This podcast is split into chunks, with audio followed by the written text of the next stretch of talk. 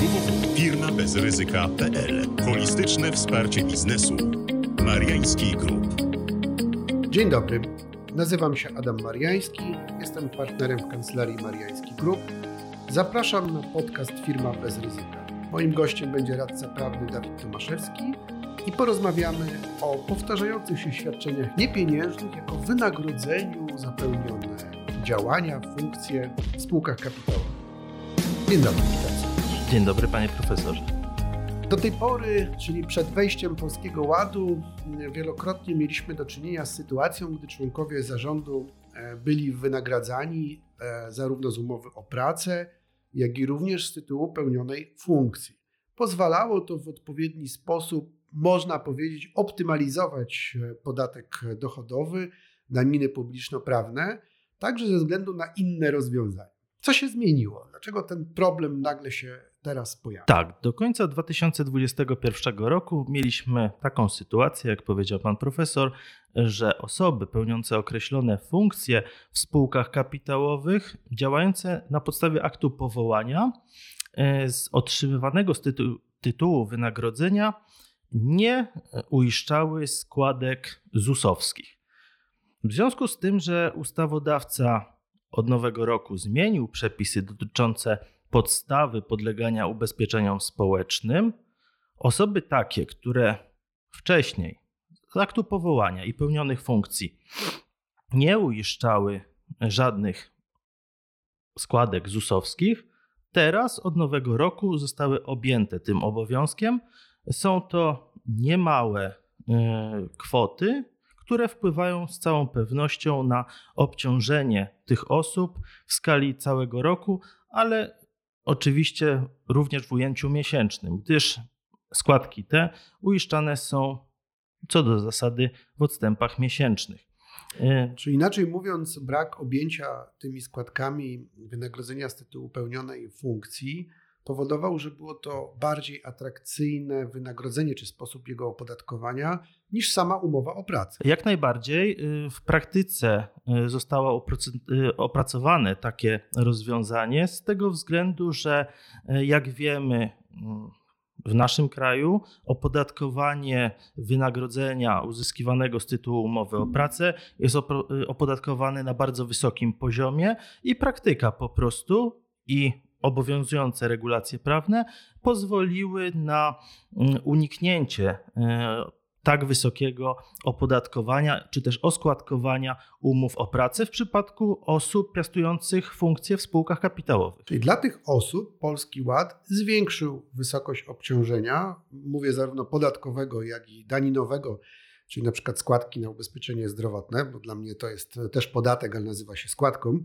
e, ale zwiększył to obciążenie. W związku z tym pojawiły się różne wypowiedzi w mediach, że jest nowy sposób na e, wynagrodzenie tych osób, które nie jest tak mocno opodatkowane, że od razu to nawiązujemy do naszego mm, e, tematu podcastu wynagrodzenie za powtarzające się świadczenia niepieniężne. No i to może brzmi dość tajemniczo i pan mecenas by nam powiedział, cóż to takiego jest. E, tak, e, od nowego roku, a w zasadzie już e, w poprzednim roku 2021, kiedy pojawiły się plany objęcia tych osób składkami z tytułu ubezpieczenia społecznego,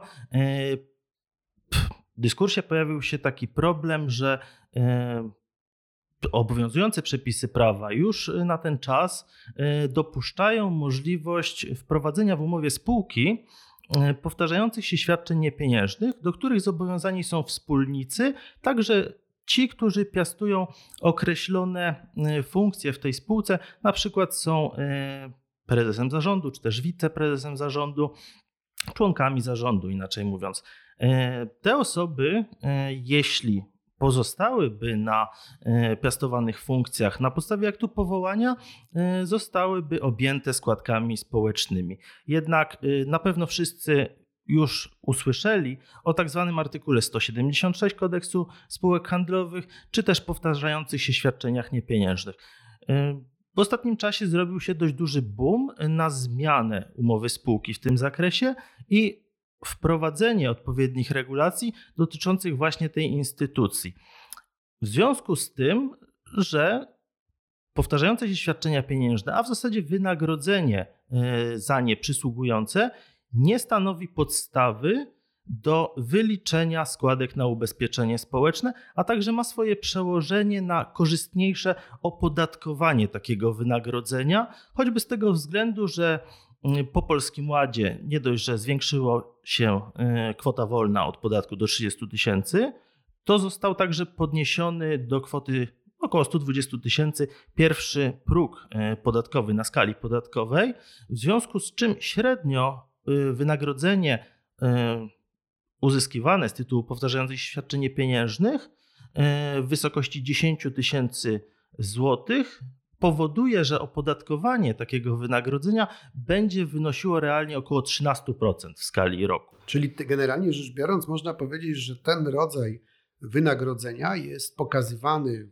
w mediach, w różnych wypowiedziach, jako swego rodzaju sposób na ominięcie nowych regulacji, czyli znalezienie sposobu, żeby i tak płacić tyle samo, a nawet może mniej. No i tu się pojawia pewna wątpliwość, czy przypadkiem jednak nie mamy do czynienia z e, jakimś działaniem e, w celu unikania opodatkowania, albo może pozornością, no bo przez tyle lat ten członek zarządu nie świadczył tych e, powtarzających się świadczeń niepieniężnych, a nagle zaczyna je świadczyć. Dokładnie tak, panie profesorze. Problem pojawia się właśnie z tą datą. Od 2022 roku jesteśmy już w nowej rzeczywistości prawno-podatkowej. Musimy mierzyć się z regulacjami niejasnymi Polskiego Ładu, czyli całym pakietem zmian, nie tylko w podatkach, ale także, jak właśnie twierdzimy, w innego rodzaju podatkach, czyli składkach ZUS-owskich. W związku z tym, że zmiany te są często dokonywane w oderwaniu od realnej e, sytuacji gospodarczej. Mają na celu wyłącznie często ominięcie e, płacenia składek ZUS-owskich. E, z całą pewnością organy ZUS-owskie w tym przypadku nie przejdą do tego do porządku dziennego, nad tym do porządku dziennego. E, jeśli chodzi o e, osoby, o klientów zgłaszających się do nas, e, staramy się wypracować takie rozwiązania, żeby były dla nich optymalne. Nie sposobem jest tylko wprowadzić określone zmiany, ale także zabezpieczyć interes naszych klientów. I dlatego też, jak słusznie pan profesor powiedział, pierwszym rzędzie będzie badana kwestia pozorności takiej regulacji i wprowadzenia. Czyli dlaczego właśnie od 1 stycznia tego roku w dużej mierze w umowach spółek z ograniczoną odpowiedzialnością pojawiają się postanowienia dotyczące powtarzających się świadczeń niepieniężnych, a już z tytułu powołania, które wcześniej odpowiednio było preferowanym sposobem rozliczania się ze względu na brak składki, e, składek społecznych, e, w zasadzie składek, składki zdrowotnej, e, pojawia się nowy sposób wypłaty tego wynagrodzenia. I dlatego Tutaj też... są wątpliwości już na gruncie samego prawa podatkowego, czyli możliwości nagłego stosowania tego typu rozwiązań, ale wątpliwości, rozumiem, dotyczą również prawa handlowego, e, czyli konstrukcji tych świadczeń i zasadności. Tak, y, nie można zapominać, że y, instytucja ta została uregulowana dosyć y, pobieżnie w kodeksie spółek handlowych. Praktyki nie ma za dużej, a to choćby z, tego, z tej przyczyny, że instytucja ta powstała jako recepcja prawa niemieckiego do regulacji polskich i miała zapewnić dla przedsiębiorców już prowadzących działalność gospodarczą o charakterze lokalnym, na przykład dostawy surowców od rolników, którzy zamieszkiwali pobliskie tereny. E, dlatego też przykładowo wskazuje się, że takim modelowym przykładem jest dostarczanie buraków cukrowych dla cukrowni, czy też szyszek chmielu dla pobliskiego browaru.